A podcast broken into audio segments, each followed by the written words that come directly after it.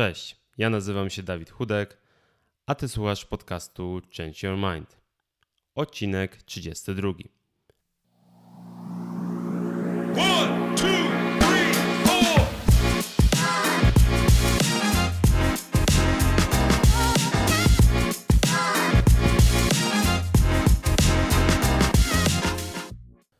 Lubię kwestionować status quo, dlatego tworzę ten podcast, by dać Ci nowe spojrzenie na różne tematy. Usłyszysz tutaj wywiady z zaproszonymi gośćmi z całego świata, a także moje przemyślenia, które mam nadzieję skłonią Cię do refleksji i pobudzą do działania.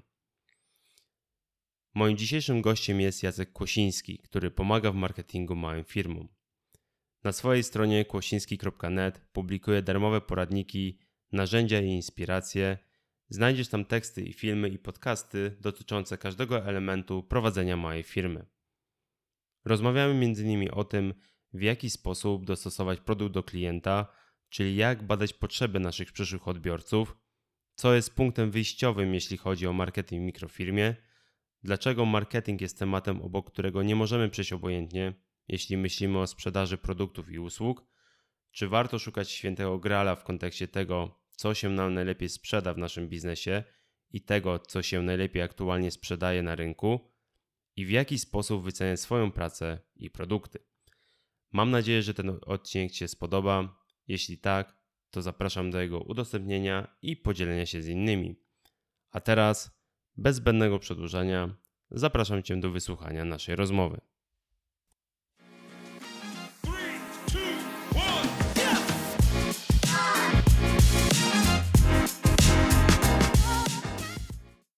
Cześć Jacek, bardzo mi miło, że przyjąłeś moje zaproszenie i jak to zwykle bywa z gośćmi, gdzieś musiałem o tobie usłyszeć, mm, coś musiałem twojego przeczytać, wysłuchać, a w sumie dużo jest do czytania i do słuchania, więc y, trochę mi zajęło zapoznanie się z twoimi treściami. No nie mów, że wszystko przeczytałeś i przesłuchałeś. No nie, nie, nie, nie, nie, nie, nie. Jakby, jakby to jest moje postrzeganie, że y, do każdego produktu tworzysz osobną stronę internetową, więc tego, tak? Dobrze, mhm. dobrze kojarzę? No landing page tak, tak, raczej staram myślę, że każdy nasz kurs, yy, książka i tak dalej to ma osobny landing page, tak, tak, to prawda. Więc tego czytania trochę było, e, ale nie, nie, mhm. nie twierdzę, że wszystko przeczytałem, bo na przykład twojej książki nie przeczytałem, także to się... No, no właśnie, bo strony produktów to jedno, ale też mam dużo darmowego kontentu, jak nie większość tak naprawdę od 2010 e, roku piszę bloga, podcasty, YouTube, więc tak się trochę uśmiechnąłem, że wszystko, bo myślę, że nawet ja sam tego wszystkiego nie pamiętam i tego po prostu dużo przez lata powstało, więc tam faktycznie miałeś co czytać, słuchać, oglądać, e, dlatego się śmieję, nie? Więc e, faktycznie trochę tego wyprodukowałem. W sumie zawsze zadaję pytanie na początku, żeby, żeby mój gość się przedstawił. Ty już trochę zacząłeś, więc jakbyś mógł jeszcze ze dwa zdania dodać, czym się aktualnie zajmujesz. Bo znowu, wiem, że wieloma rzeczami się zajmowałeś w życiu, z różnego mhm. rodzaju podcastów, ale jakbyś mógł tak w dwóch, kilku zdaniach powiedzieć, co aktualnie robisz. Jasne. Aktualnie to, czym się zajmuję, można powiedzieć, że pomagam w marketingu małym firmom. E, I e, marketing to jest coś, co mi towarzyszy od zawsze, mimo tego, że robiłem różne rzeczy. To jestem wykształceniem marketingowcem, miałem agencję brandingową swoją e, i zajmuję się tak naprawdę marketingiem przez to całe zawodowe życie w różnej formie i teraz też mam taką swoją metodę, którą, która no, mówi o tym, jak ten marketing prowadzić w takiej małej firmie, pomaga. Ta metoda się nazywa marketing w 7 godzin. No bo ja zauważyłem przez te lata, że jest bardzo dużo zdolnych, e, fajnych ludzi, którzy mają świetne pomysły w różnych branżach, w różnych dziedzinach i problemem, wspólnym mianownikiem tych wszystkich ludzi takim no, problematycznym mianownikiem jest to, że ci ludzie często nie wiedzą, jak to sprzedać po prostu, tak? Czyli jak to opakować, jak o tym opowiedzieć, jak e, dotrzeć do ludzi z tym, co robią. I ja dokładnie w tym pomagam. E, I e, drugi taki problem, który, który ci ludzie mają, że nawet jeśli już zaczynają wiedzieć, mniej więcej co trzeba zrobić, żeby do tych ludzi dotrzeć, to potem nie mają czasu, żeby to robić, więc ja staram się łączyć te dwie rzeczy, czyli pomagam małym firmom znaleźć pomysł i sposób na to, jak dotrzeć z tym, co robią do, do tych wymarzonych, idealnych klientów, ale też, żeby zrobić to jak najszybciej, najskuteczniej, najsprawniej, no bo wiadomo, że taki mały przedsiębiorca, solo przedsiębiorca często mm, jest w firmie wszystkim i marketing to jest ważny obszar, ale nie jedyny przynajmniej, tak? Więc e, taka osoba nie może poświęcić na marketing całych dni w swoim tygodniu, więc ja się staram znaleźć takie sposoby, żeby to dało się połączyć z innymi e, obowiązkami, które taki przedsiębiorca mikro ma, e, żeby ten marketing działał, był sprawny, ale też no nie, nie zajmował jak najmniej czasu, po prostu, żeby był czas na inne rzeczy. Mm, to ja właśnie może zacznę od takiej hmm, tezy, nie wiem, pytania, czegoś mhm. kontrowersyjnego. Tak rozmawiam sobie z różnymi osobami, które prowadzą takie właśnie mikroprzedsiębiorstwa, czytaj jednoosobowa działalność gospodarcza, jak to się ładnie mówi w naszym kraju. Mhm. I te osoby mówią, że wszystko fajnie, spoko, mm, jeśli chodzi o właśnie prowadzenie własnego biznesu, bo jest ta wolność, bo nie mam nad sobą szefa, bo sobie decyduję o swoim czasie i tak dalej, i tak dalej, ale że większość tego czasu, jaki spędzają, nazwijmy to na tym swoim etacie, to jest sprzedaż. Czyli muszą robić wszystko, żeby tych klientów pozyskiwać. No i właśnie, czy zgodzi się z tą tezą, tezą, twierdzeniem, że jednak większość pracy takiego solo przedsiębiorcy to jest sprzedaż, a przynajmniej na początku? E, wiesz co, właśnie no, dobrze dodałeś to na końcu to e, początek, bo wydaje mi się, że to zależy od etapu, na którym ktoś jest. Nie można byłoby wszystkich pewnie tych przedsiębiorców wrzucić do jednego worka, ale na pewno e, to jest myślę jedna z takich pięści w twarz, e, które dostaje wielu małych soloprzedsiębiorców, kiedy idzie na swoje, bo myśli sobie, że będę robić to, co lubię, zajmować się swoją specjalizacją, swoją pasją i będę sam sobie szefem i będę miał tą firmę zbudowaną wokół właśnie jakiegoś swojego takiego zainteresowania, ale boleśnie okazuje się właśnie, że mm, nie ma szans zajmować się tym, czym chcemy się zajmować, bez właśnie dotarcia do tych ludzi, bez tego marketingu, bez sprzedaży, bez opowiadania o sobie, i to jest taki trochę w cudzysłowie bonus, który dostają ludzie razem ze swoją firmą, który niekoniecznie wszystkim się podoba.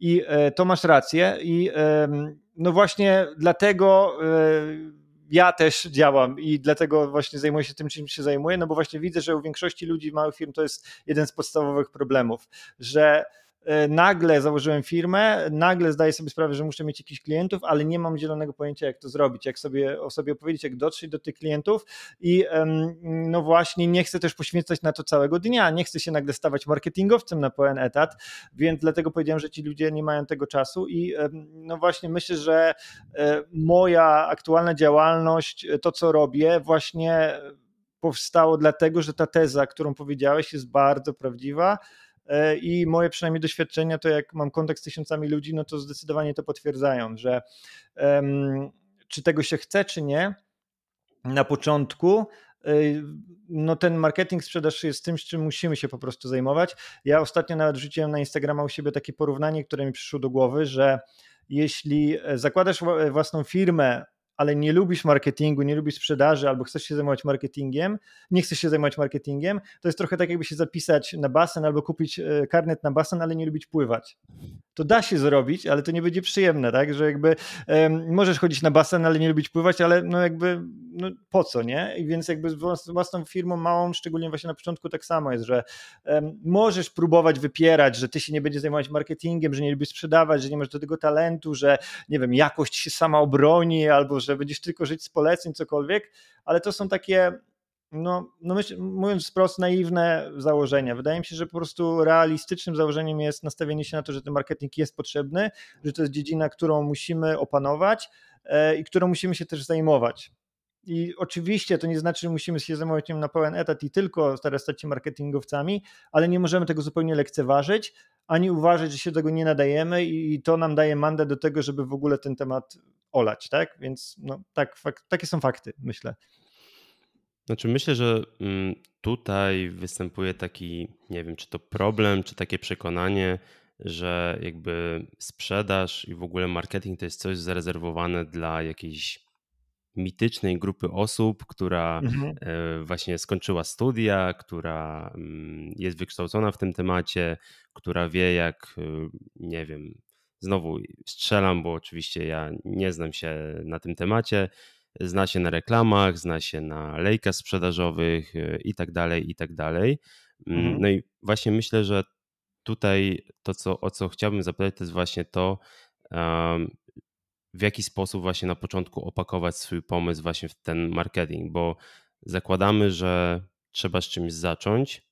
Mm, mamy pomysł na jakiś właśnie biznes, pomysł na jakiś produkt, usługę albo w ogóle pakiet usług i, i produktów.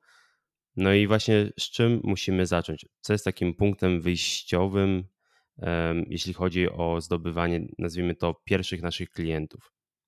A może mhm. trzeba w ogóle już na początku do tego podejść kompleksowo?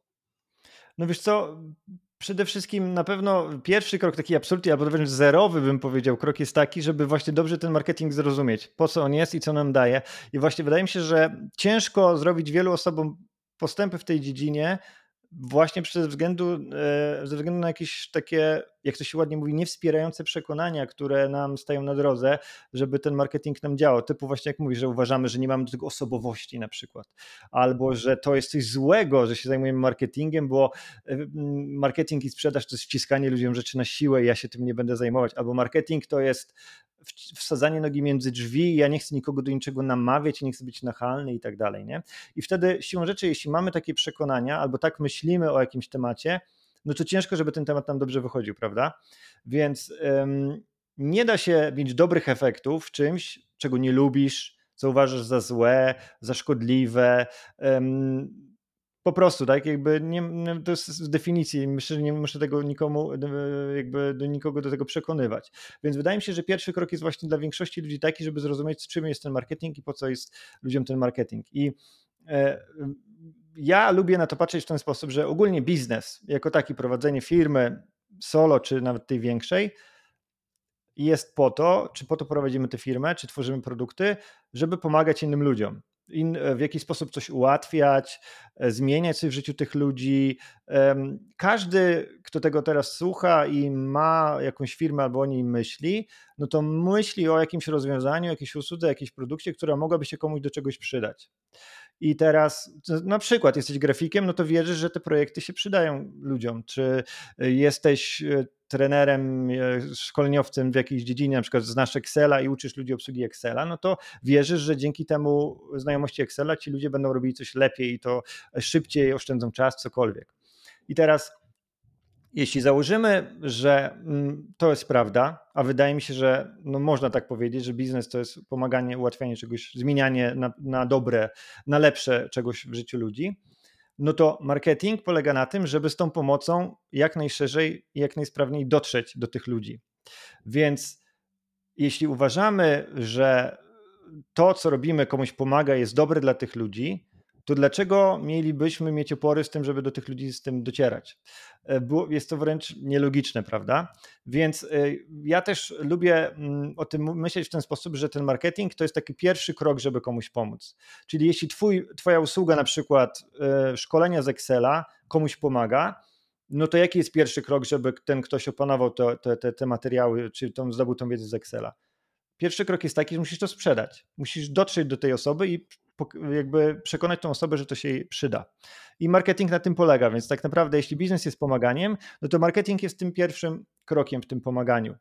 Więc e, wydaje mi się, że często problemy ludzi z marketingiem, z rozpoczynaniem marketingu wynikają z tego, że nie wierzymy za bardzo w nasz produkt, albo mamy wrażenie, że ludzie tego nie potrzebują, nie chcą, że to jest coś, e, co mm, jakby dajemy im na siłę, albo że teraz jak na przykład jestem programistą i szukam klientów, albo grafikiem szukam klientów, czy tłumaczem szukam klientów, no to mamy poczucie, że musimy trochę tak namawiać ludzi, hej, może wejdziesz w moją grafikę. Ale jeśli spojrzymy właśnie na to z tej perspektywy, że ta grafika tej osobie się pomaga i trochę ta osoba nie robi nam przysługi tak naprawdę, że nam to zleci, tylko dostaje określone korzyści, no to zupełnie inaczej wydaje mi się, że patrzymy wtedy teraz na marketing. Marketing patrzymy na marketing jako właśnie um, umożliwianie skorzystania z tego, co robimy tym ludziom, którzy z tego, e, z tego no jakby później będą czerpali korzyści.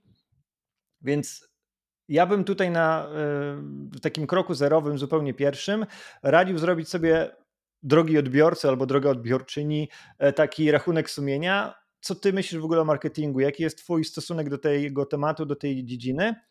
czy nie jest przypadkiem tak, że wypierasz ten marketing, sprzedaż jako coś złego albo czegoś, coś, masz jakieś nieszkodliwe przekonania i jeśli czujesz, że masz jakieś takie przekonania negatywne związane z tym tematem, to od tego bym zaczął, ponieważ wydaje, no jak powiedziałem na początku, bez, e, mając takie szkodliwe przekonanie będzie ciężko robić to efektywnie, dobrze, skutecznie, a jak powiedzieliśmy sobie przed chwilą, no będzie to mimo wszystko duży element Twojego prowadzenia biznesu, e, tak czy inaczej.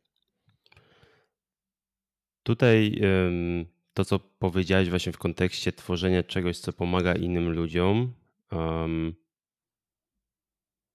prowadzi mnie do takiej myśli, że znowu to jest jakby takie moje postrzeganie tego, że jeśli mamy pomysł na jakiś biznes, jakiś produkt, usługę, to projektujemy ją, tworzymy ją według naszych jakichś mhm. przekonań, mhm. według jakichś naszych, um, nie wiem, domysłów, a chyba tak to nie działa trochę i też tak. trochę widzę po tym, co ja robię, staram się robić, że tworzenie czegoś na podstawie moich domysłów kończy się tym, że tak naprawdę nie znajduję odbiorców tego czegoś. I tak. chyba tutaj y, chciałbym zapytać właśnie o punkt związany z tak zwanym badaniem potrzeb klientów, czyli w jaki sposób do tego podejść, żeby się nie przepracować. Używam jakby tego słowa, słowa nie przepracować się, bo myślę, że jeśli byśmy podeszli do tego w taki sposób bardzo, bardzo profesjonalny, jak robią to agencje marketing, marketingowe i tak dalej, to myślę, że byśmy wydali dużo pieniędzy, a jeśli chcielibyśmy to tak. sami zrobić, to byśmy włożyli w to bardzo dużo pracy, ale właśnie w jaki sposób podejść do takiego researchu, tego, co tak naprawdę nasi klienci potrzebują versus to, co my chcemy zaoferować. Jasne, no to jakby no też kolejny raz zgadzam się z tym, co mówisz. To znaczy, mm, jeśli krokiem zerowym mają być przekonania, to krokiem pierwszym na pewno jest właśnie zrozumienie najpierw klienta. I w tej mojej metodzie marketing w 7 godzin, ona się nazywa 7, marketing w 7 godzin, bo e, jest 7 obszarów, którymi moim zdaniem trzeba się zająć i którymi, nad którymi trzeba pracować przynajmniej godzinę miesięcznie, żeby marketing działał w mojej firmie. No to ten pierwszy e, krok i pierwsza godzina, nad którą warto pracować, od której warto zacząć myślenie, układanie marketingu, to jest właśnie, ja to nazywam w tej mojej metodzie poznawanie. Czyli powinniśmy zacząć od tego, żeby poznać tego odbiorcę, te osoby, które są po drugiej stronie. I ja osobiście jestem bardzo wielkim przeciwnikiem takiej rady e, biznesowej, można powiedzieć, która polega na tym, że by tworzyć produkty, usługi, rozwiązania, z których ty sam byś chciał korzystać. Czyli jeśli czegoś ci brakuje, to stwórz to e, i to jest dobry e, sposób, żeby szukać pomysłu na biznes. Ale to, przepraszam, przepraszam, przerwę ci tutaj. To nie jest tak, że właśnie ta, mm, to stwierdzenie jest jakiś czas temu było promowane. Jakby teraz aktualnie nie widziałem tego w internetach, ale, ale jak e, jeszcze, nie wiem, rok, dwa lat temu szukałem jakiejś inspiracji, w jaki sposób znaleźć właśnie pomysł na produkt, to właśnie często zna znajdowałem takie zdanie, że twórz to, czego ty potrzebujesz, jakby co rozwiąże twój problem i później jakby pokazuj to rozwiązanie problemu innym. No właśnie, ja uważam, że tak e, nie powinno się do tego podchodzić i jak sam powiedziałeś, też miałeś jakieś takie doświadczenia u siebie i ja też miałem takie doświadczenia u siebie. E, na własnej skórze doświadczyłem tego, że to nie jest dobra droga. E, więc myślę, że mm, nauczony doświadczeniem, ale jednak mimo wszystko też takimi doświadczeniami z zewnątrz innych e, firm, czy kontaktem z tysiącami ludzi, który, którymi gdzieś tam miałem okazję współpracować, no to jednak zdecydowanie lepsze efekty daje właśnie nastawienie się nie na to, co my chcemy i co lubimy i co nam się wydaje potrzebne, tylko tworzenie dla ludzi, czyli poznawanie e, odbiorcy. I mm, no, jakby taki podstawowy błąd, który ludzie też często popełniają, właśnie E, myśląc sobie, ok, dobra, no to e, muszę e, poznać odbiorców, dowiedzieć się, co oni myślą o tym moim pomyśle i o tym moim biznesie, jest też taki, że wtedy zaczynamy tym ludziom opowiadać o tym pomyśle, albo jaką mamy wizję, i nasze pytanie tak naprawdę w kierunku tych ludzi sprowadza się do tego, co ty o tym myślisz, albo co ty na to. I jakby kiedy podjedziemy do tego w ten sposób, to no niestety dzieje się tutaj wiele takich negatywnych dla nas zjawisk psychologicznych bym powiedział, że większość ludzi nie będzie chciała nas skrzywdzić, więc będzie chciała być dla nas miła. Na, ja z kolei, jeśli ktoś nie będzie y, aż tak miły i będzie dawał jakieś zastrzeżenia, no to z kolei my będziemy mieli tendencję do bronienia naszego pomysłu. Jak trzeci raz będziemy tłumaczyli, ale słuchaj, no nie rozumiesz, bo przecież to jest takie i takie, to ta osoba po drugiej stronie powie, no dobra, już będzie chciała, żebyśmy mi dali spokój, to się zgodzi, że to jest jednak super pomysł, że, że się mylili, chociaż tak naprawdę nie uważa i tak dalej. Także e, to poznawanie można zrobić źle. Może nam się wydawać, że E, mamy klientów, znamy klientów, rozumiemy klientów, ale nadal tych klientów nie rozumieć. I taki kolejny problem, który ja widzę, kolejne, kolejne podejście, którego jestem przeciwnikiem, e, które można spotkać nawet w książkach marketingowych, polega na tym, że radzą nam stworzyć personę Czyli ok, żeby że nie twórz dla siebie, tylko dla idealnego klienta, no to ten idealny klient powstaje w ten sposób, że weź kartkę papieru i opisz tego twojego idealnego klienta, jakby był człowiekiem, typu e, gdzie pracuje, ile zarabia, jakie ma wykształcenie, ile ma lat, prawda? I to znowu, akurat jest bardzo popularny temat.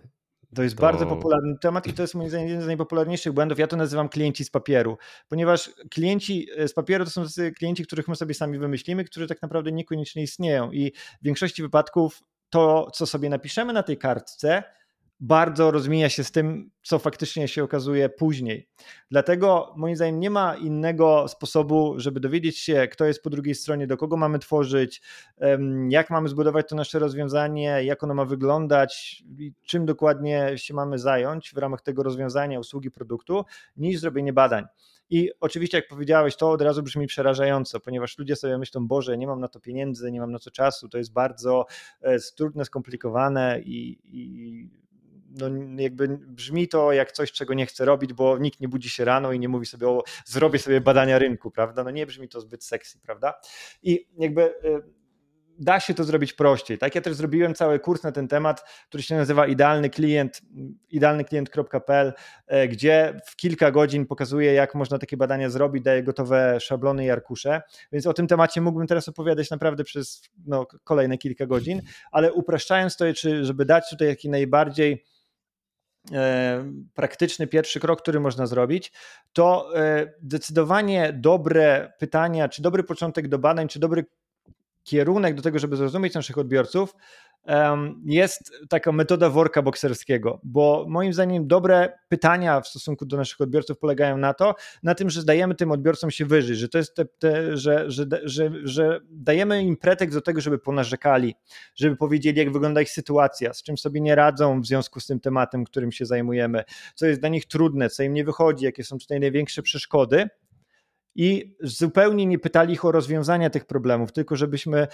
starali się jakby no zebrać tą taką y, czarę goryczy, która jakby z tych ludzi będzie, będzie się przebijała. I czyli zadaniem twojego słuchacza, czy, czy twojego rozmówcy w tym, w tym wszystkim jest powiedzieć ci, z czym ma problem, co jest trudne, z czym sobie nie radzi, a twoim zdaniem jest znaleźć do tego rozwiązanie, a nie odwrotnie, tak? Czyli to nie jest tak, żebyś ty powiedział, jakie masz problemy, czego nie wiesz, a klient ci powie, jakie ma rozwią- jakiego rozwiązania oczekuje i tylko to rozwiązanie zbudujesz, które ta osoba ci podyktowała, tak? Czyli musimy e, poznać tych naszych odbiorców w takim sensie, żeby dowiedzieć się, no właśnie, jaka jest ich sytuacja, co jest dla nich trudne, czym sobie nie radzą, co chcieliby osiągnąć i do tego już po tej rozmowie czy po tych rozmowach, czy po tych ankietach, które przeprowadzimy, które będą skonstruowane w ten sposób, do, do, do, do, dotworzyć, dokomponować rozwiązania, które będą te poszczególne elementy zaspokajać. Tak, to jest tak, mówiąc najogólniej w skrócie, tak? Do takiego podejścia zachęcam. I wtedy,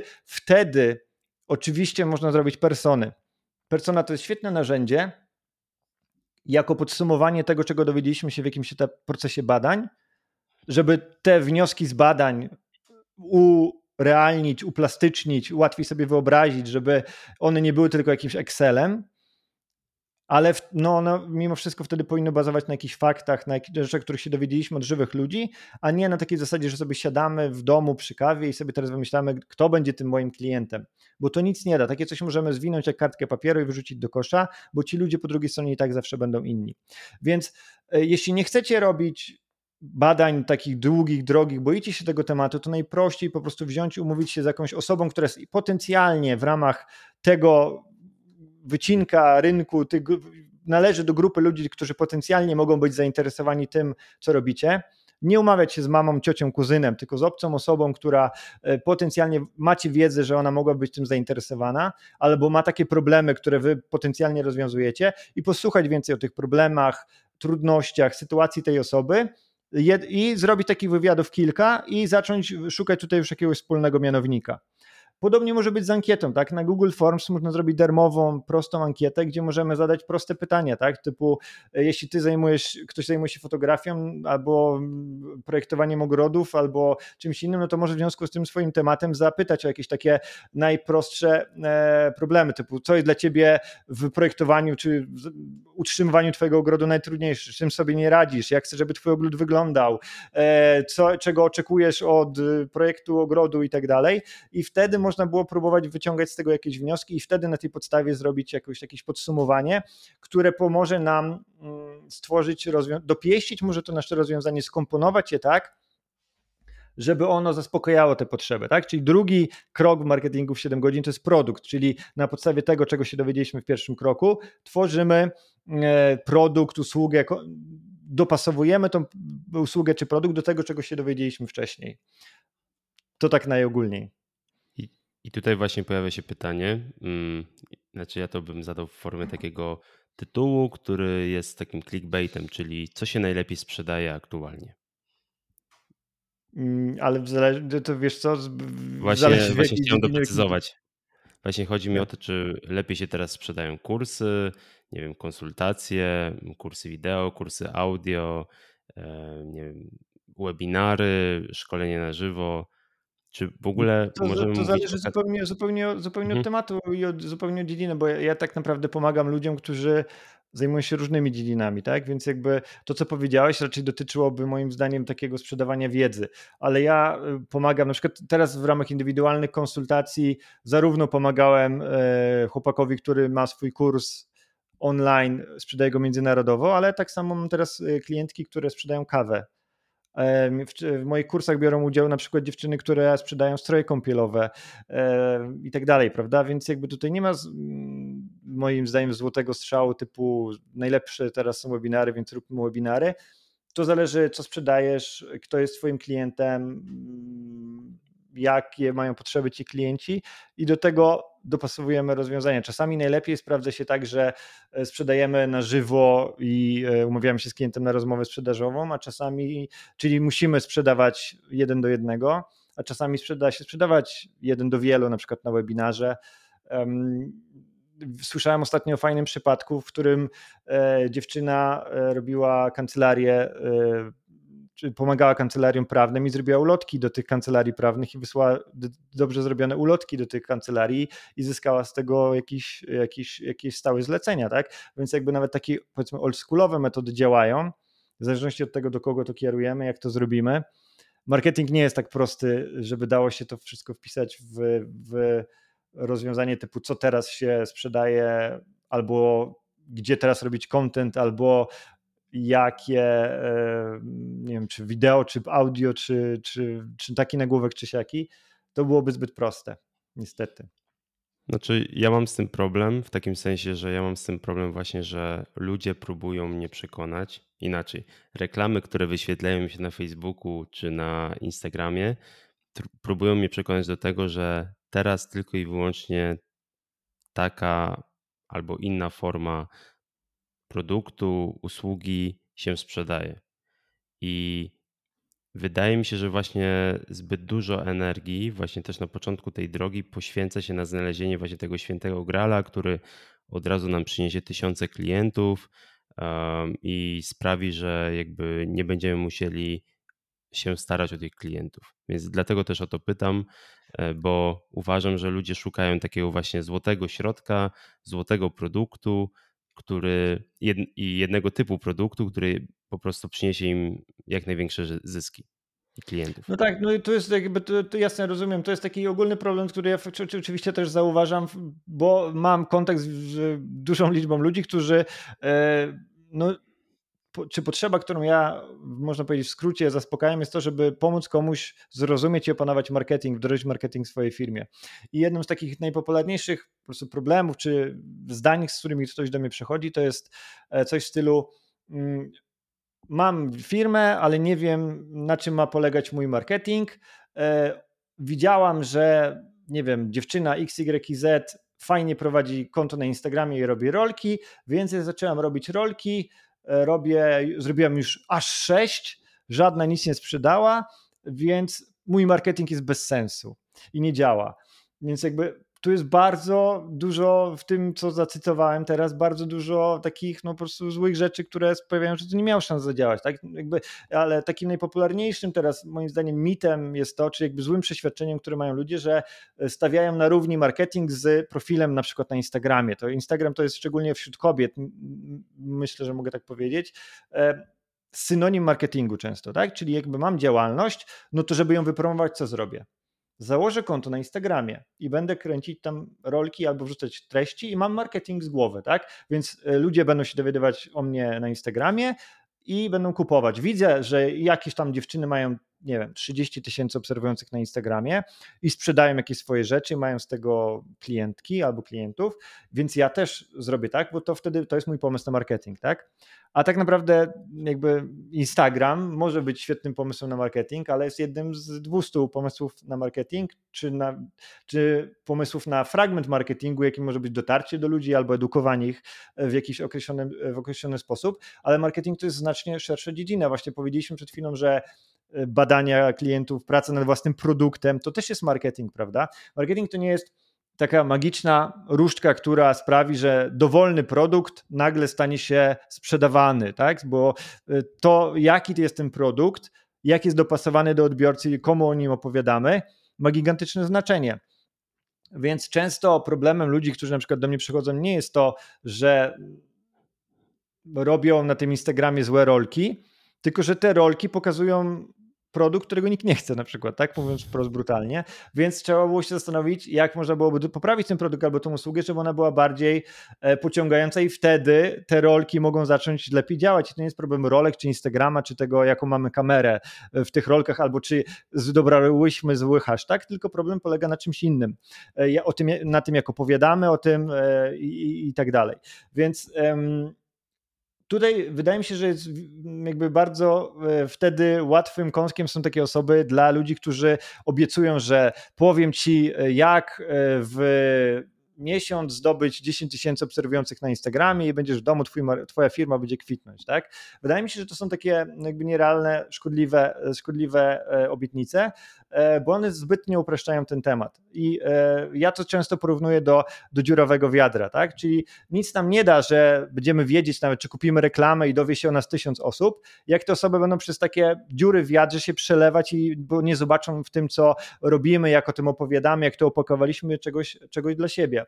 Więc myślę, że zanim zaczniemy się martwić zasięgiem, zdobywaniem tysięcy obserwujących, kupowaniem reklam, czy tym, jak dobrać idealny hashtag czy muzykę, do rolki, żeby jak najwięcej osób się o tym dowiedziało. Trzeba zrobić też te kroki wcześniej, tak? Czyli właśnie zastanowić się nad opakowaniem tego wszystkiego, co mamy i sprawdzić, czy to jest um, wystarczająco skuteczne, tak? Więc jakby dużo różnych kwestii, dużo różnych wątków można byłoby tutaj poruszyć, e, które nie grają, właśnie kiedy osoby starają się szukać takiego jednego sposobu, typu, no to teraz jak mam zrobić marketing? Powiedz mi, Instagram czy LinkedIn? No to jest jakby zbyt, proście, zbyt prosto postawione pytanie, e, podsumowując.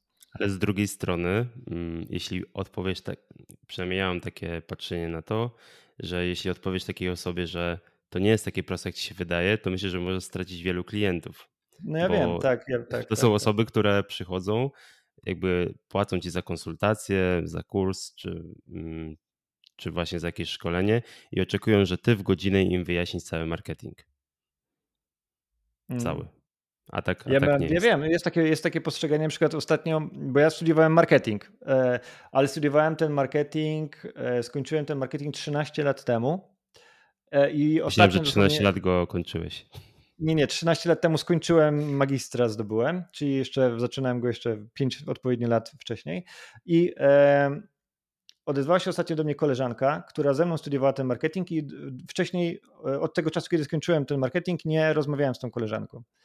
I ona powiedziała do mnie, mm, że Słuchaj, Jacek, e, tutaj tam Magda, studiowaliśmy razem. E, ja e, podczas studiów nie zajmowałem się marketingiem, tam pomagałem mężowi w firmie, która tam zajmuje się budownictwem, ale generalnie mam dwójkę dzieci, więc jakby wysz, wypadłam z rynku. Słuchaj, teraz myślę, że chciałbym wrócić do marketingu. Weź, podpowiedz mi taką jedną książkę, którą przeczytam, żeby sobie przypomnieć te rzeczy, które się tam zmieniły w marketingu przez te ostatnie lata. Ja sobie tę książkę powtórzę i wrócę na rynek i będę się zajmować marketingiem dalej, nie? Więc no, no, brzmi to, no nie wiem, czy jak tego słuchacie, czy nie, czy tylko mi się tak wydaje, brzmi to hardkorowo, tak? Czyli to nie jest tak, że się da przeczytać jedną książkę, która podsumuje cały marketing, jak się tym zajmować, jak się tym ktoś nie zajmował 15 lat albo nigdy, prawda?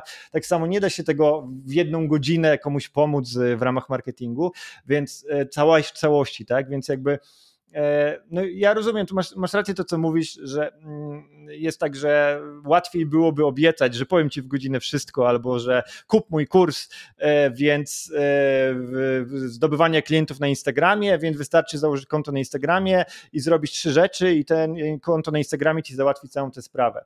Więc ja idę tak trochę pod górkę, bo staram się pokazać, że no marketing to jest wiele obszarów, że trzeba nad nimi pracować, że to wymaga godzin, żeby w tym obszarze coś porobić, że że, są różne jakieś e, rzeczy, którymi się nie chcesz zamawiać jak badania, ale trzeba je zrobić, więc ja trochę no, jestem takim marudą w tym wszystkim i widzę, że niektóre osoby na to źle reagują, ale to znowu jest może już nie wchodząc w detale, ale jakby kwestia tego, kto ma być twoim idealnym klientem. Ja zauważyłem, że po prostu mi lepiej pracuje się z ludźmi i lepsze efekty mają ludzie, którzy rozumieją to, jak ja do nich mówię w ten sposób i akceptują to i wtedy widzę, że te osoby po prostu odnoszą sukces, widzą, mają jakieś rezultaty, a jak widzę, już wielokrotnie się przekonałem, że osoba, która oczekuje tego, że przeczyta jedną książkę i zrozumie cały marketing, albo e, która oczekuje tego, że założy konto na Instagramie i w miesiąc będzie miała z tego konta e, tysiące klientów, no to widzę, że z taką osobą i tak długo, daleko nie zajdę, no bo po prostu te jakby zbyt bardzo mamy tutaj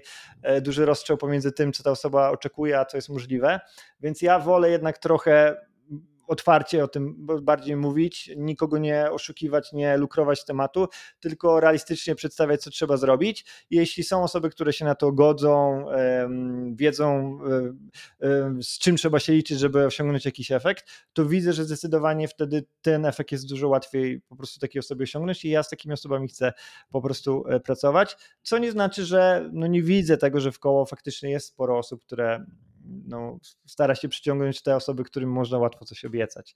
No ale z tym nic nie zrobimy chyba. Znaczy odnośnie książki to mógłbyś powiedzieć, przeczytaj Kotlera, chociaż pewnie ta osoba czytała. To nie, to ona czytała, to ona czytała. Mieliśmy taką e, lekturę e, jakby klasyczną właśnie na studiach już wtedy, wtedy, więc ona pewnie e, na coś takiego liczyła, typu na Kotlera 2.0 w, w roku 2023 ale im, im, im lata bardziej lecą, tym mniej jest szansy na takiego kutlera, bo marketing skręca w różne dziwne rejony, co chwilę pojawiają się, nie wiem, w zeszłym roku były NFTs e, modnym tematem, w tym roku jest AI modnym tematem. E, za rok może będzie kolejny akronim, jeszcze z jednej literki się składał, bo nawet e, coraz mniej literek w tych akronimach i będzie, będziemy mieli kolejny trend, e, kolejne niuanse, kolejni eksperci wyrosną na, na bazie tych trendów. Teraz sztuczna inteligencja jest gigantycznym trendem i no trochę śmiesznie wygląda, że nagle wyskakują od razu po miesiącu eksperci w sztucznej inteligencji, którzy powiedzą ci, jak, jak to wykorzystać w marketingu, jak zdobyć dzięki sztucznej inteligencji tysiące klientów. E, w zeszłym roku byli ludzie, którzy przekonywali, że zrób swoje tokeny czy NFTs i będziesz e, też e, miał tysiące klientów, którzy będą chcieli kupować twoje kryptowaluty. No różne są podejścia, to się zmienia.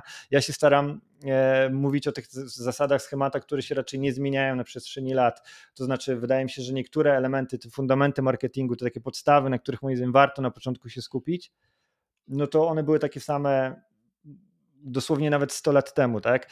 E, na przykład jednym z moich ulubionych przykładów tego typu jest e, przewodnik e, Michelin, tak? To jest coś, co powstało e, w roku 1900, 1901 bodajże i tak naprawdę to był content marketing wtedy, tak? Ta sama ta zasada się nie zmieniła. Przewodnik Michelin powstał jako dostarczenie ciekawych treści kierowcom, żeby przy okazji sprzedać im opony, więc oni zaczęli opowiadać o tym, gdzie możesz zjeść, gdzie się zatrzymać, jakie są hotele, jakie są dobre restauracje, drogi kierowco. Tutaj masz nasz druko, naszą drukowaną broszurę i przy okazji gdzieś tam była reklama opon, tak? No to czym innym jest to niż content marketing, gdzie my staramy się poradzić, powiedzieć klientom w jakiejś dziedzinie y, związane z jakimś tematem i przy okazji się wypromować. To myślałem, mimo tego, że wtedy nie stał internet, e, telewizja i ra, no, radio może było, no to e, i tak robił content marketing w takiej formie drukowanej, więc takie podstawowe zasady typu najpierw daj, potem proś, edukuj klientów, bądź przydatny, bądź pomocny, buduj relacje i tak dalej, i tak dalej. Takie rzeczy się nie zmieniają i wydaje mi się, że często małym firmom brakuje tych podstaw, a za szybko szukamy, jak oszczędzić sobie czas, wykorzystując sztuczną inteligencję, albo jakiego prompta użyć, żeby schakować dobry nagłówek. A to jest moim zdaniem no, zbyt optymistyczne założenie, że teraz wpiszemy w chat GPT jakiegoś dobry, jakiś dobry prompt i nagle klienci będą zwracali na nas uwagę. A eksperci od e, sztucznej inteligencji nam to obiecują. Zobacz, moje dwa, kup mojego e-booka z moimi 20 idealnymi promptami, które sprawią, że twoi klienci e, będą e, sami błagać, e, żebyś e, coś im sprzedał, tak? nie da się do tego w ten sposób podejść, moim zdaniem. Trzeba odrobić trochę bardziej zadanie domowe i skupić się bardziej na tych podstawach. Przynajmniej ja tak mało optymistycznie i realistycznie do tego podchodzę.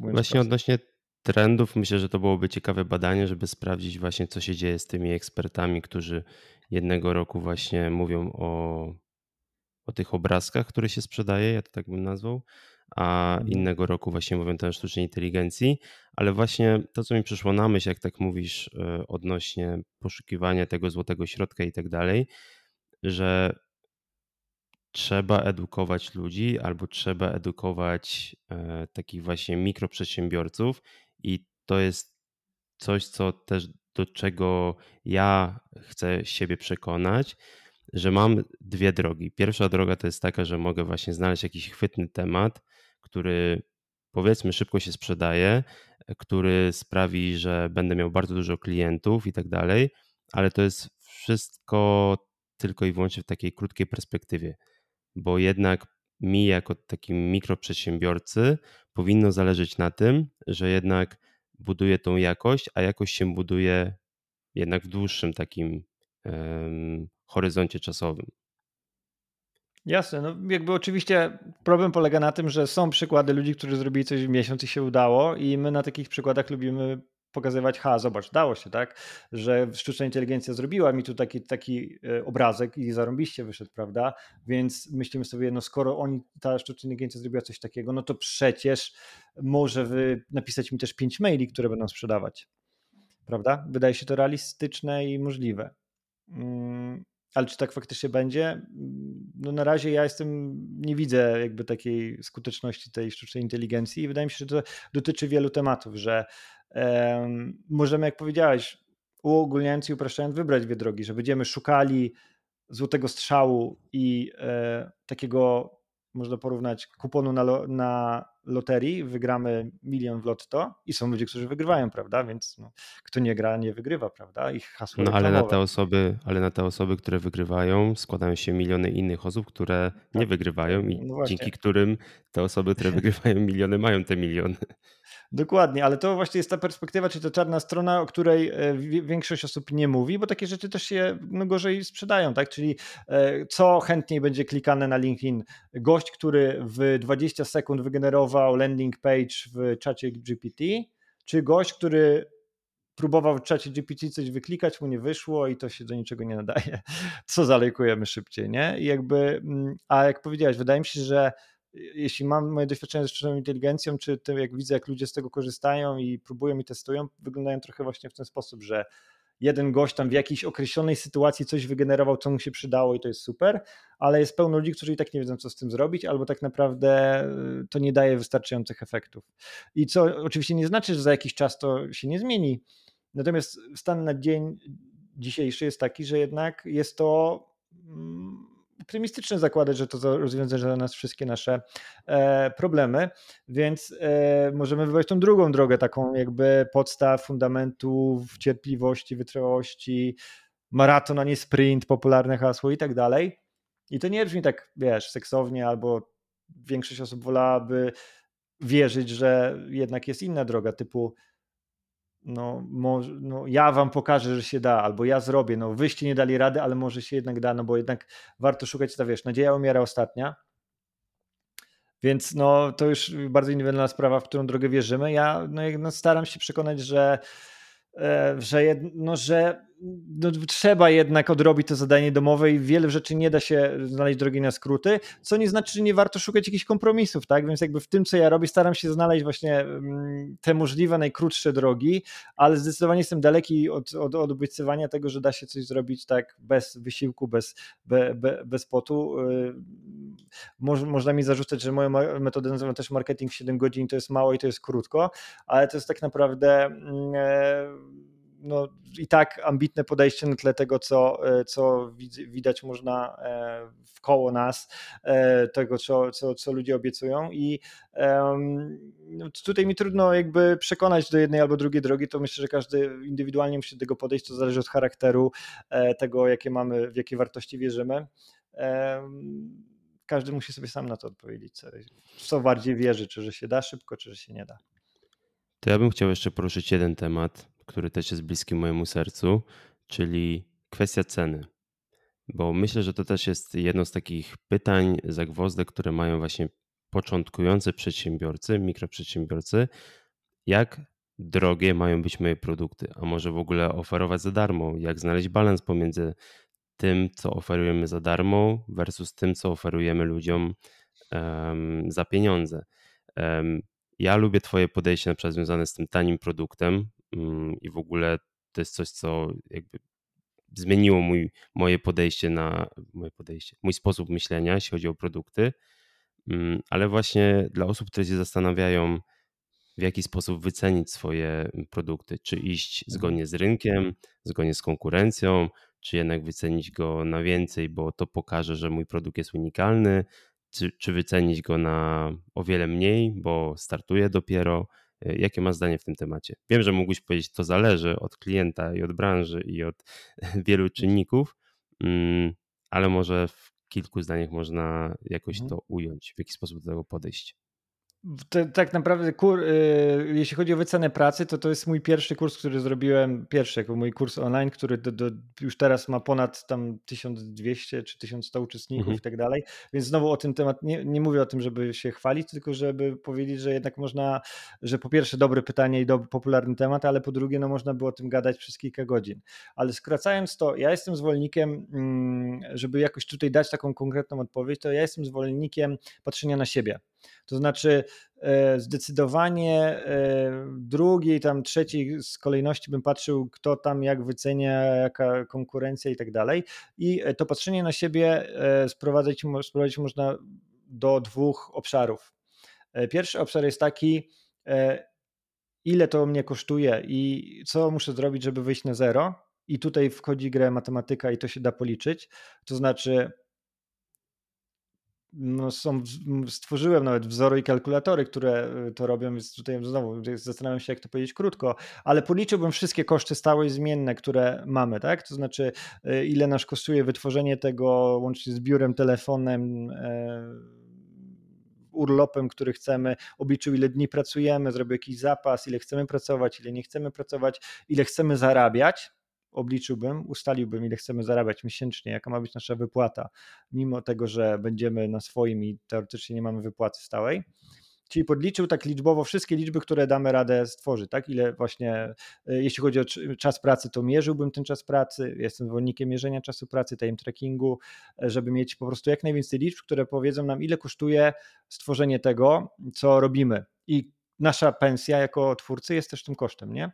E, czyli no, żebyśmy to robili, no to musimy mieć tą pensję, więc jakby tworzenie tego, no to wymaga płacenia tej naszej pensji, więc to jest też koszt, nie? Więc to jest, wychodzi taka liczba, która jest nieidealna która jest podatna na różne losowe rzeczy i tak dalej.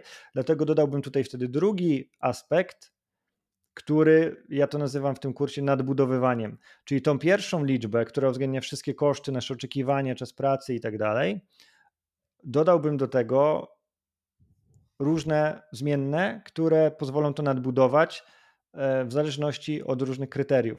I kryteria mogą być tutaj no, rozmaite, na przykład takie, e, jak powiedziałeś sam, e, strategia marketingowa, jaka tutaj ma być nadbudowa tej ceny, żeby sprawić wrażenie droższej, usługi, średniej, wpisać się w coś, czy nie wpisać się w jakiś jakąś średnią. Ale to jest jedno z powiedzmy kilkunastu kryteriów, które, które podaję. Tak? To kryterium może być też to, jak bardzo czujemy, że to, czym się zajmujemy, jest podatne na jakieś poprawki ze strony klientów, zmiany, modyfikacje, nieprzewidziane reakcje ze strony klienta. Tak? Jeśli wyceniamy produkt, który ktoś kupuje albo nie w takiej formie, jaki jest, no to jakby nie musimy dodawać do tego czegoś nieprzewidzianego. Tak? Ale na przykład jeśli sprzedajemy usługę projektowania wnętrza, i nie wiemy, jak się spodoba to wnętrze klientowi, mogą być jakieś poprawki, i nagle możemy poświęcić na coś dwa razy więcej czasu, no to musimy do tej podstawowej y, stawki wyliczającej ten nasz średni czas, który, to, który mogliśmy obliczyć, dodać jakiś zapas na nieprzewidziany czas, bo nagle się okaże, że ten klient będzie chciał trzy razy więcej e, od nas jakichś zmian niż te, które my przewidzieliśmy, tak? Więc to też zależy dużo od, czego, od tego, czym się zajmujemy, e, jakie mamy doświadczenia, jaka jest specyfika naszego produktu, usługi. No niestety właśnie tutaj jest, pojawia się to zależy, tak? Czy typu właśnie nie da się zrobić jednego schematu wycen do każdej branży, każdej dziedziny, każdego rodzaju działalności, ale ta rzecz, która nie zależy, właśnie polega moim zdaniem na tych dwóch obszarach. Najpierw skupić się na tym, co musi być liczbowego spełnione, żeby to się nam opłacało, zarówno jeśli chodzi jako, jako czas, jak i e, finanse, a po drugie, jaki bezpieczny zapas musimy przyjąć, żeby ta pierwsza niedoskonała liczba, no nie, czy niedoskonałość tej pierwszej liczby nas nie wywaliło z rynku można powiedzieć tak w skrócie najogólniej. Więc ja zdecydowanie patrzyłbym na siebie, na e, właśnie te koszty i to, jak my czujemy naszą branżę, naszą dziedzinę, ile chcemy zarabiać, jaki mamy pomysł na marketing, czy to ma być e, wersja premium, czy mniej e, premium tego, co robimy, żeby to nadbudować jeszcze tą taką liczbę wyliczalną. I tutaj można przyjąć różne metody procentowe, stawkowe. To też no, po prostu zależy od tego, czym się zajmujemy. Znaczy też zapytałem o to, bo ja też się spotkałem z tego typu stwierdzeniami, mm, a może i swego rodzaju hejtem, że ludzie byli zdziwieni w moim przypadku, że kurs, który kiedyś oferowałem za darmo, nagle oferuje za pieniądze. I mhm. zgłosiło się do mnie x osób, um, i gdy przyszła jakby już czas, żeby zapłacić za to szkolenie, to w sumie nie zapłacił nikt. Mhm. I tutaj właśnie mm, przypomniało mi się jedno zdanie, które usłyszałem od jednego z moich znajomych, że ciężko jest wyjść właśnie z tego mm, nie tyle to przekonania, ciężko wyjść z tego właśnie bezpłatnego oferowania czegoś, że jeśli coś raz zaoferujesz ludziom za darmo, czytaj kurs, to oni będą przekonani później, że wszystko oferuje za darmo. A może ludzie w ogóle mają takie przekonanie, że, mm, że coś, że skoro coś oferuje, to na pewno jest to za darmo. Nie wiem, y, nadal mnie to zastanawia, no. z czego jakby mój przypadek wynikał, że ludzie byli zaskoczeni tym, że trzeba za to zapłacić, pomimo tego, że to było napisane w widocznym miejscu. ale właśnie mnie zastanawia, czy taki efekt występuje i czy masz wrażenie, że istnieje taki efekt tego, że mm, przyzwyczajamy kogoś do dobrego i później ciężko z tego wyjść. No to jest jakby tutaj, to tak, to na pewno jest, jakby tutaj jest zasada, e, czy jakby wspomniałeś o, o, o, u mnie o tanim produkcie i to jakby jest efekt, powstanie tego taniego produktu jest e, elementem strategii, to znaczy e, w marketingu to się nazywa tripwire, tak, czyli tripwire, czyli taki potykacz, tak, czyli jakby to są wydatki, tworzy jakby się produkty, które są tanie, proste, które mają przyciągnąć ludzi, którzy chcą już zapłacić, tak? To znaczy e, jest ogromna różnica pomiędzy tym, że ktoś zapłaci ci 50 zł za jakiegoś prostego e-booka, a tym, kto powie, że to za darmo. No bo ci ludzie, którzy, no po prostu statystycznie, tak? Że są ludzie oczywiście, którzy kupują coś za 50 zł, to są ludzie, którzy nie mają więcej niż 50 zł albo nie kupią później czegoś za 5 tysięcy, tak? Ale statystycznie, jeśli weźmiemy osoby, które pobierają coś za darmo i później mają kupić coś za 5 tysięcy, a osoby, które kupią coś za 50 zł i później mają kupić za 5 tysięcy, no to w ogóle nie ma tutaj porównania, jeśli chodzi o skuteczność tego, tak? Że nawet jeśli ktoś wydał chociaż głupie 50 zł, to dużo większa szansa, że później coś kupi za 5 tysięcy czy jakąkolwiek inną stawkę, tak? To znaczy, i wtedy, jeśli traktujemy robienie e, kontentu szeroko rozumianego, jak powiedziałeś, kursy, czy e, ogólnie jakieś sprzedawanie jakiejś wiedzy, jakichś informacji jako biznes, no to lepiej budować go nawet wokół mniejszej społeczności, czy wokół mniejszej grupy ludzi, ale jednak takich, którzy są przygotowani, czy mentalnie e, rozumieją, że ta wiedza kosztuje. Za jakoś się płaci. Tak, i jakby no, kontentu jest teraz bardzo dużo, nie? Jakby jak ja zaczynałem w 2010 roku, to widzę porównanie i widzę różnicę, nie? Że kiedyś, wiesz, miałem fanpage, no to byłem jednym fanpage'em w jakimś temacie, a teraz nie dość, że fanpage'y czy tam już nie istnieją albo w ogóle nie działają, no to jest jakby, wiesz, TikTok, Instagram, Snapchat, wiesz, wiesz o co chodzi, nie? Więc jakby tak naprawdę mm, darmowego, darmowego kontentu się już nie docenia myśli się, że go jest pełno, że jak ktoś ci da coś za darmo, to nie robi ci żadnej przysługi, żadnej łaski i ty nie masz wobec tej osoby żadnego długu, zobowiązania, nie musisz nic od tej osoby kupić, e, bo mogłeś tak naprawdę to dostać w stu innych miejscach. Przynajmniej oczywiście często nie jest to prawda, bo to, co zrobisz za darmo, może być jedyne w swoim rodzaju, ale ludzie tak na to patrzą, uśredniając, nie? Więc um, trudno, czy darmowy content jest moim zdaniem dobrym sposobem na udowadnianie, na edukowanie, na budowanie relacji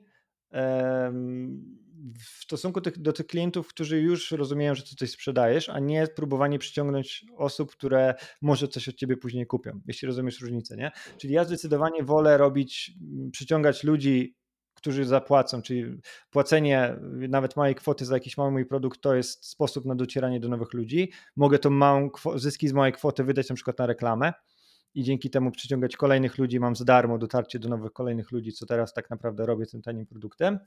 I wtedy chętnie robię dla tych ludzi darmowy kontent, żeby budować relacje z nimi, dawać im więcej wartości, um, pomagać im bardziej, bo te osoby są już jakby z, na starcie znają zasady tej jakby gry, tak? To znaczy wiedzą, że coś ode mnie kupiły, dostają coś za to i jak będą chciały jakieś bardziej rozbudowane wsparcie, no to są jakieś bardziej rozbudowane e, produkty, które ja mam. Jest jakaś, jak to się mówi w marketingu, value ladder, tak? czyli jakby jest drabina wartości, że tą daną osobę mogę poprowadzić przez różne produkty, w zależności od tego, czego potrzebuje, jaki problem e, ma na różnym etapie. Tak? I tak naprawdę tą budowaniem tej drabiny wartości przez ostatni czas też u mnie firmy się zajmuje, żeby ta struktura nie była płaska. Tak? Więc jakby widzisz, y, i to wszystko to jest marketing, nie? I teraz mm, ludzie myślą, że marketingiem jest założenie konta na Instagramie, dlaczego to nie działa. Tak naprawdę musimy myśleć o wszystkich takich rzeczach najpierw,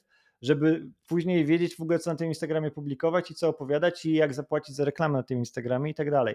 Więc e, to też miałem trochę na myśli, mówiąc wcześniej o tym, że zbyt prosto do tego podchodzimy. Więc. No siłą rzeczy, wydaje mi się, że jeśli myślimy o sprzedawaniu czegoś w internecie, czy do, robieniu biznesu wokół jakiejś swojej usługi, czy jakiegoś produktu, to zdecydowanie w dzisiejszych czasach ja osobiście bym postawił na to, żeby ten pierwszy element tego value ladder, czyli tej wchodzenia, zapraszania do tego twojego świata, był już jakoś, jakoś płatny myślę. I yy, to nie znaczy, że mam, nie mamy robić darmowego kontentu, pod, nagrywać podcastu, czy robić darmowych webinarów, ale te darmowe webinary nie mają za celu, na celu przyciągnięcie kolejnych ludzi, którzy są kolejne darmowe webinary, tylko mają dać więcej wartości, czy lepiej e, zbudować, przywiązać, e, czy dać więcej wartości, czy pomóc bardziej osobom, które już gdzieś w tym Twoim świecie są, a te nowe osoby zapraszać w formie tej właśnie płatnej oferty, tak przynajmniej ja do tego teraz podchodzę. E, no i, i wydaje mi się, że to w dzisiejszych czasach no jest biznesowo bardziej skuteczne. To już na koniec zapytam Cię w takim razie, gdzie poszukiwać wiedzy na temat marketingu? Mm, no właśnie, to wiesz, to też y, e, to zależy, bo marketing to jest szeroka dziedzina, bo jeśli ktoś chce wiedzy na temat tego, jak prowadzić, jak robić content, to wiesz, inne rzeczy się sprawdzają. Jak ktoś chce um, zastanowić się, jak robić badania, poznawać y, odbiorców, no to inne miejsca, prawda? Więc jakby, no ja naj, poleciłbym najpierw, żeby zobaczyć, jak zrobić sobie taki rachunek sumienia, tak? To znaczy zobaczyć, jakie są obszary w tym marketingu, co jest potrzebne, na czym marketing polega i zrobić sobie taki test, co w danej sytuacji, w Twoim momencie, w Twojej sytuacji jest najbardziej potrzebne, na czym by się skupić. Czy bardziej teraz na badaniach się powinien skupić, czy bardziej na przyciąganiu klientów, czy bardziej na edukowaniu, bo już masz wystarczającą bazę tych istniejących odbiorców i tak dalej, tak? I w ramach marketingu w 7 godzin to my też taki test udostępniamy, tak? Czyli najpierw mówimy, co to jest ten marketing, z jakich siedmiu obszarów się składa, co w tych obszarach trzeba robić, jakimi zadaniami się zajmować, ale też dajemy tam właśnie takie narzędzie, jak jakiś taki e, narzędzie badawcze z siebie samego, tak? czyli pozwalające ocenić po pierwsze, które z tych siedmiu obszarów są teraz dla Ciebie priorytetowe, pomagamy tam ułożyć plan e, jakby pracy nad tymi obszarami i dajemy też gotowe zadania w ramach tych obszarów, od których trzeba byłoby zacząć, żeby te obszary pchać do przodu. Więc no jakby marketing 7 godzin powstał właśnie po to, żeby ludziom odpowiedzieć na to pytanie, Czyli jeśli ktoś mówi, to jak mam teraz, czym się mam zająć, żeby mieć ogarnięty marketing, co to znaczy marketing, e, jak w praktyce nad nim pracować i gdzie wiedzieć więcej, jakimi zadaniami się zajmować, no to tam po prostu dajemy na to, na to odpowiedzi. Tak? To jest pod adresem marketing 7godzin.pl. Nieważne jak wpiszecie to 7 godzin e, i tak wszystkie domeny chyba mam. Także e, powinniście na to trafić i tam no myślę, że jest to, jeśli chodzi o moje podejście, jeśli komuś się spodobało to jak ja o tym opowiadam albo chcielibyście wiedzieć więcej e, szczegółów, a mniej to zależy, no to to jest bardzo tanie, e, trwa około 3,5 godziny ten materiał, więc da się to przesłuchać w wersji audio, nie wiem, w korku albo na spacerze bardzo szybko i e, tam dajemy konkretne odpowiedzi w ramach jakiego obszaru, na czym się skupić, gdzie szukać dalej wsparcia, co jest ważne, jakimi zadaniami się zająć. Jest to takie kompleksowe, że teraz lepiej tego nie opowiem e, niż tam, bo trzeba jednak wejść w większe szczegóły, żeby to wszystko wyjaśnić. To w sumie, jeśli ktoś by był jeszcze zainteresowany całym tematem marketingu, zawsze może przeczytać Kotlera. Tylko 900 stron. No właśnie, no, ale wtedy umrze. Tak? No, to jest książka, która ma 1200 stron, pewnie, pewnie jest pisana bardzo naukowym, akademickim językiem i e, dotyczy całego to jest encyklopedia. O, to jest tak, jakby komuś radzić czytać encyklopedię, tak? Kotlet to jest encyklopedia marketingu. Czy czytając encyklopedię, czytanie encyklopedii jest sportem ekstremalnym dla zainteresowanych, albo jeśli chcemy poznać definicję jakiegoś, jakiegoś terminu, którego e, nie znamy, nie rozumiemy, e, encyklopedię bym czytał wyrywkowo w zależności od jakiejś aktualnej informacji, którą poszukujemy, ale przeczytanie Kotlera to dla małej firmy jest, no ktoś może znienawidzić ten marketing, bo to po prostu nie jest to podejście, którego pewnie szukacie, tak myślę. To na koniec, e, tak jak jest to w zwyczaju, mm, dla osób, które chciałyby się z Tobą skontaktować, w jaki sposób mogą zrobić to w szybki sposób. Mm, w Jestem w internecie, na Instagramie, na LinkedIn, e, na Facebooku, po prostu z imienia i nazwiska Jacek Kłosiński. Mam też swoją stronę, którą prowadzę właśnie od 2010 roku, która się nazywa kłosiński.net, bez polskich znaków. Tam jest mnóstwo, jak powiedzieliśmy wcześniej, darmowego kontentu, darmowych podcastów. E, wpiszecie w YouTube'a Jacek Kłosiński, to znajdziecie mój kanał na YouTubie i tak dalej, tak? Jakby działam bardzo długo, robię regularnie, praktycznie codziennie publikuję jakieś darmowe treści, więc tam też możecie po prostu poznać mnie lepiej, e, więc moje imię i nazwisko wystarczy wam, żeby mnie znaleźć, myślę. To wszystkich zainteresowanych odsyłamy tam, a tymczasem ja bardzo Ci dziękuję za to, czym się podzieliłeś. Mam nadzieję, że to pomoże wszystkim solo przedsiębiorcom w rozwijaniu swojego marketingu. No i życzę miłego popołudnia. Dzięki Dawid, dzięki, dzięki za odsłuchanie. Pozdrawiam wszystkich.